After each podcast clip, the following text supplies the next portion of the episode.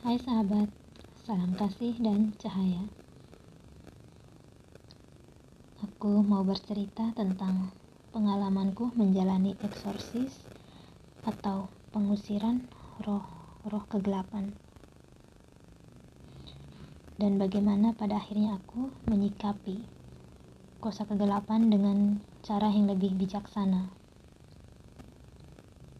Ceritaku mulai ketika aku merasakan ada sesuatu yang tidak beres pada diriku. Akhirnya aku mencari bantuan dan dipertemukan dengan sebuah keluarga yang dapat menolongku. Akhirnya aku menjalani proses eksorsis secara adat. Aku ingat di saat itu, aku sempat kerasukan. Dan ini terjadi setelah proses eksorsis dimulai. Dan eksorsis ini melibatkan roh-roh nenek moyang yang diundang secara khusus. Proses eksorsis berjalan cukup lama. Karena banyak dukun ilmu hitam atau orang-orang di tempat asalku menyebutnya suanggi yang menyerangku dengan alasan yang tidak masuk akal. Sebagian di antara mereka adalah teman-temanku. Pokoknya, masing-masing dari mereka menginginkan supaya aku ini lenyap saja dari bumi ini. Minimal aku menderita. Dan yang unik, di saat aku kerasukan, aku tidak sepenuhnya hilang kesadaran. Ini termasuk kasus langka. Karena biasanya ketika seseorang kerasukan, kesadaran akan hilang total dan untuk kesadaranku sendiri saat itu tidak hilang total sehingga apa pun yang terjadi selama proses eksorsis itu aku tahu. Apa yang menjadi bahan obrolan antara penolong dan dukun ilmu hitamnya aku dengar semuanya. Dan ketika tubuh fisikku dipukul sebenarnya bukan aku yang dipukul tetapi orang-orang yang ada di dalam aku supaya roh mereka keluar dan meninggalkan tubuhku. Dan itu bukan proses yang mudah, karena mereka ada empat orang dan mereka menolak untuk keluar. Mereka tetap ingin tinggal di dalam tubuhku untuk menyiksaku. Padahal aku tidak pernah menyusahkan mereka. Yang lucunya, ada yang sampai menargetkan bahwa aku harus mati di tahun 2018. Tetapi kenyataannya aku masih hidup sampai saat ini. Aku ingat saat kerasukan itu, aku sempat bertingkah seperti anjing. Aku menggonggong berkali-kali. Aku juga bertingkah seperti burung.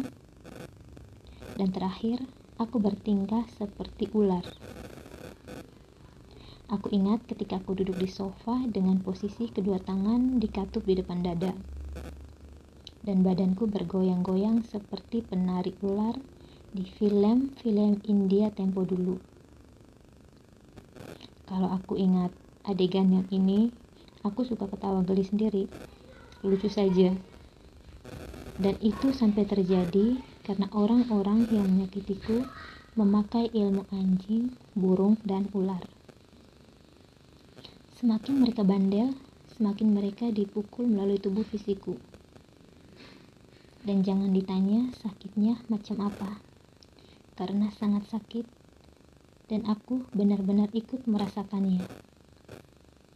Dan satu dari keempat pelaku ini ternyata mengeluarkan jiwaku dari badan, dan dia memasukkan jiwa yang lain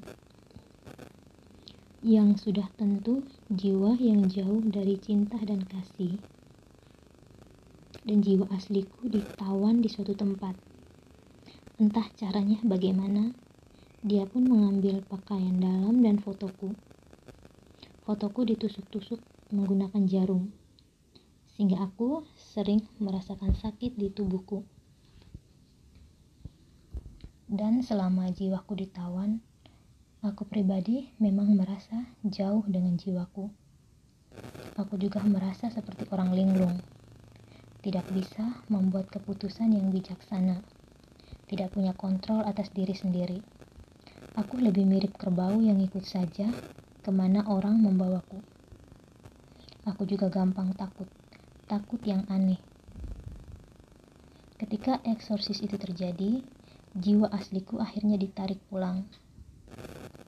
Setelah eksorsis itu selesai, aku berpikir aku sudah benar-benar bebas dari gangguan ilmu hitam. Ternyata masih juga.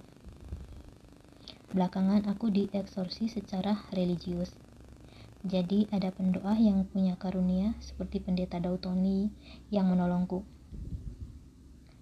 Di satu eksorsis, aku sempat jatuh ke lantai dan perlahan-lahan bagian jari kaki dan tangan mulai kaku.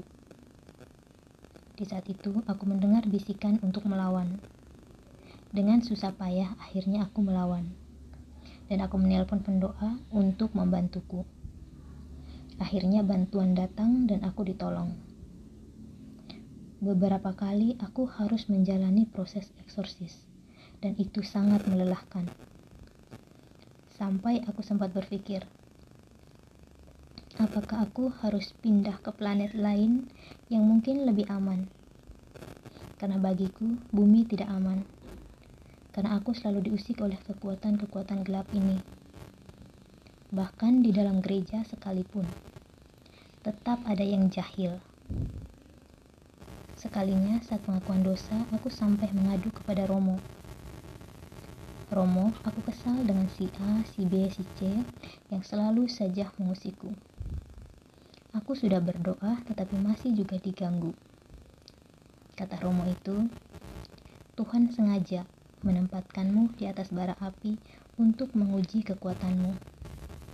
Dan aku diminta untuk mengampuni mereka tapi kenyataannya, sekalipun sudah kuampuni, mereka tetap mengusik juga. Sampai aku bingung sendiri. Sudah berdoa tiap hari, ke gereja tiap minggu, didoain pastor A, B, C, didoain pendoa, masih juga. Salahnya di mana? Sampai akhirnya aku bertemu seorang guru spiritual. Beliau sebenarnya menolak disebut guru Beliau lebih merasa sebagai seseorang yang telah lebih dulu tercerahkan. Beliau menyarankanku untuk menaikkan frekuensi energiku. Ketika frekuensiku naik, portal untuk kekuatan gelap akan tertutup dengan sendirinya. Tetapi pada dasarnya, kegelapan bukanlah sesuatu yang buruk. Tidak ada yang buruk, yang ada hanyalah keseimbangan. Dari konsep ini, aku mulai merubah cara pandangku terhadap kegelapan. Aku yang tadinya memusuhi setan ataupun suanggi, akhirnya memilih mengamati saja, tetapi tetap melakukan proses untuk menaikkan frekuensi. Sebelumnya, kalau aku melakukan eksorsis secara pribadi, biasanya aku memakai kekuatan nama Yesus dan kekuatan darah Yesus, termasuk doa kepada Archangel Michael. Tapi belakangan, aku lebih memilih bersyukur atas semua pengalaman-pengalaman ilmu hitam ini karena telah membantuku bertumbuh dan bertransformasi. Dan apa pun yang ada, semuanya berasal dari satu sumber yang sama, yaitu Sang Pencipta. Dan tidak ada yang buruk, tidak ada yang jahat, yang ada hanyalah keseimbangan. Dengan pemahaman ini, aku tidak harus membenci mereka, tetapi aku tetap harus melindungi energiku sebagai bentuk self-love. Nah, sahabat, ini ceritaku. Thank you, namaste.